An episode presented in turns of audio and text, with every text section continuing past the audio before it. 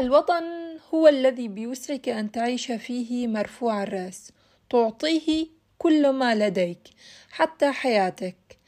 أما الوطن الذي تضطر فيه للعيش مطأطأ الرأس فلا تعطيه شيئا. فالنبل يستدعي العظمة واللامبالاة تستدعي اللامبالاة والإزدراء يستدعي الإزدراء. ذلك هو ميثاق الأحرار ولا أعترف بميثاق آخر. ويا أهلا وسهلا فيكم بحلقة جديدة وبكتاب جديد. اليوم رح نحكي عن كتاب التائهون لأمين معلوف. كاتب مشهور جدا. هو لبناني الأصل ولكن مقيم في فرنسا.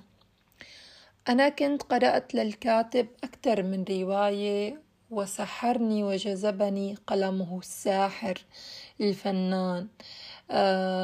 مبدع فعلا.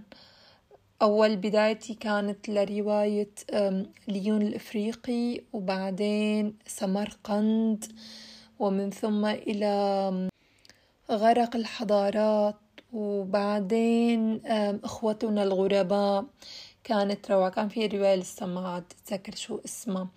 آه روايات آه أمين معلوف اللي بيعرفه وقارئ له بيعرف كيف الطريقة اللي بيكتب هو فيها طريقة مختلفة عن بعض أدبائنا. ما بعرف ما فيني أنسبه للكتاب العرب بطريقة ما. بحس إنه ألمه عبارة عن مزيج من عدة مجتمعات بحكم إنه هو آه، حياته في فرنسا. فبعتقد انه هذا الشيء بيعطي صبغة جميلة جدا على رواياته وكتاباته. آه، روايتنا التائهون تتحدث عن مجموعة أصدقاء تدور أحداثها في لبنان. عندما يعود آدم الشخصية الرئيسية لرؤية صديقه المحتضر نعيم ولكنه حين عزم القدوم كان الأوان قد فات. ليلتقي بعدها بزوجة المتوفي ويتفقان على لم شمل بقية الأصدقاء الذين تفرقوا في أنحاء العالم بسبب الثورة المندلعة في تلك الفترة الحرب الأهلية آه، في لبنان. لكل صديق منهم انتماء وطائفة. ولكنهم لم يشعروا بذلك أو يلتمسوه إلا حينما تفرقوا بسبب السياسة. ليلتحق كل منهم إلى وطن يؤمن له ما قد سلبه الوطن الأم منهم. جميع الأصدقاء لديهم نقمة غريبة للوطن. يقول آه، أمين معلوف أيكون المرء متعجرفا لو تمنى أن يكون بلده أقل رجعية؟ وأقل فسادا وأقل عنفا أيكون متعجرفا أو غير متسامح؟ لو رفض عدم الاكتفاء بديمقراطية تقريبية وبسلم متقطع إذ كان هذا هو الحال فأنا جاهز بخطيئة التعجرف وألعن قناعاتهم الفاضلة. إننا نجد بسهولة العزاء لفقدان الماضي ولكن ما من شيء يعزينا لفقدان المستقبل. رواية عتب على الحرب والدولة والسياسيين والثوريين والمتدينين والملحدين والمتعجرفين والأوغاد والأشرار والأقوياء والضعفاء والجميع تحت مسمى الوطن. إنه عتب خالص ممزوج بالامتعاض وممزوج بالشوق للقاء يكاد يكون من المستحيل ولكنه يوشك على الحدوث. الرواية أثرت فيني بشكل أو بآخر حيث أنني معنية بتلك القضية وهي الاغتراب القسري عن الوطن الذي سلب مني أقل حق من حقوق الإنسان وهو حق العيش بسلام.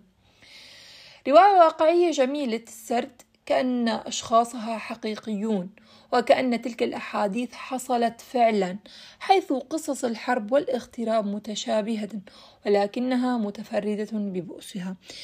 رواية اجتماعية آه، سياسية فلسفية آه، لكل شخص من هالأشخاص له قصته يشتركوا ب ب بأشياء محددة ولكن ولكنهم يختلفون بأشياء آه، حقيقية وجودية اختلاف كلي. يقول أمين معلوف لا مرار على الإطلاق فالرحيل عن الوطن هو سنة الحياة وأحيانا تفرضه الأحداث وإلا فيجب أن نخترع له عذرا. لقد ولدت على كوكب لا في بلد أجل بالطبع ولدت أيضا في مدينة في طائفة في أسرة في حاضنة في فراش ولكن المهم عندي وعند جميع البشر على السواء أنني جئت إلى هذا العالم إلى هذا العالم. فالولادة هي المجيء إلى العالم لا إلى هذا البلد أو ذاك لا إلى هذا البيت أو ذاك.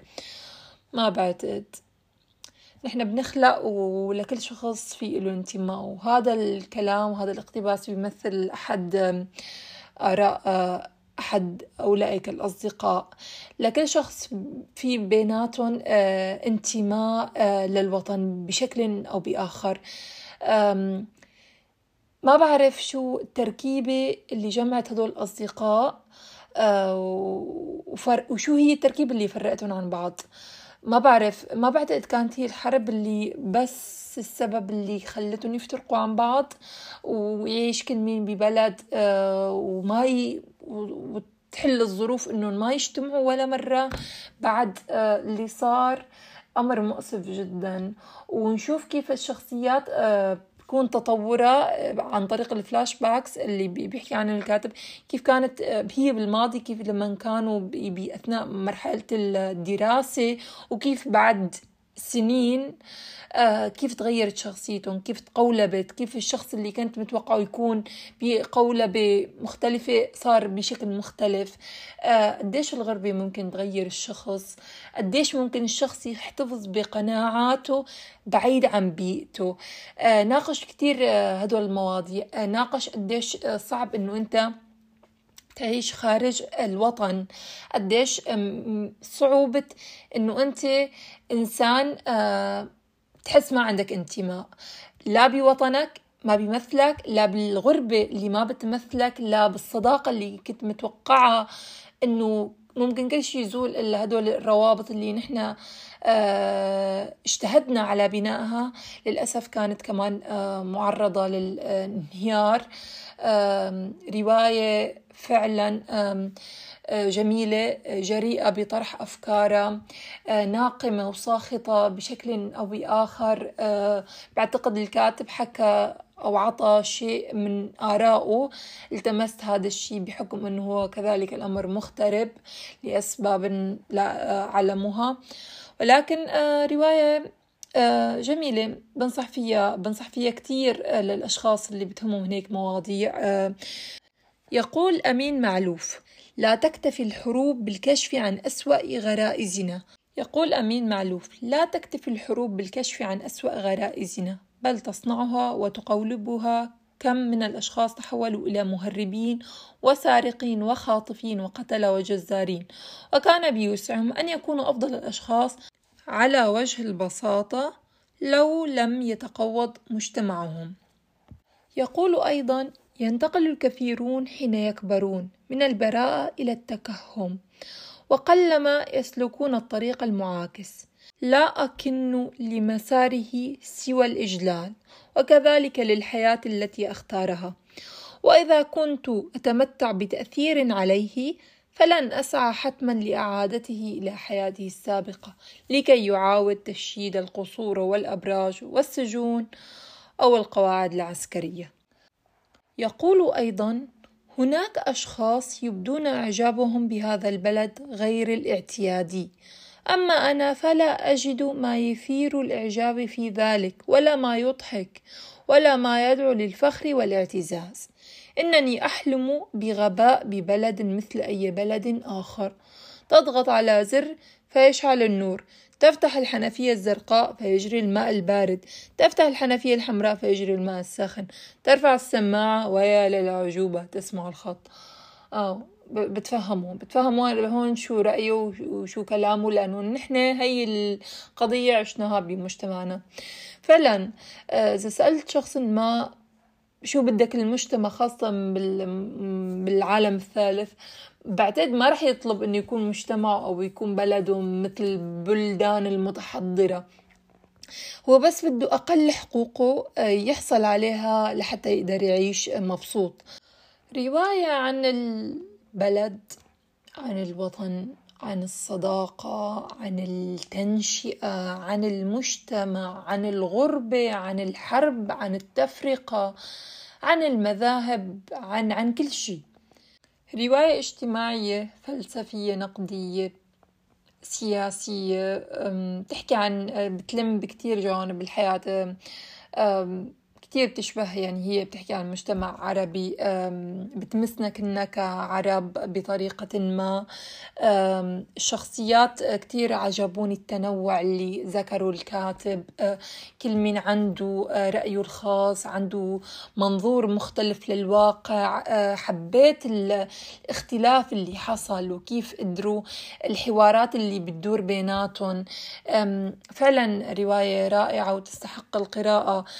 بتشكركن كتير آه، أن وصلتوا لهالنقطة بتمنى أسمع آه، ترشيحاتكن لروايات تانية أحكي عنا وبتمنى لكم نهار سعيد وحياة طيبة.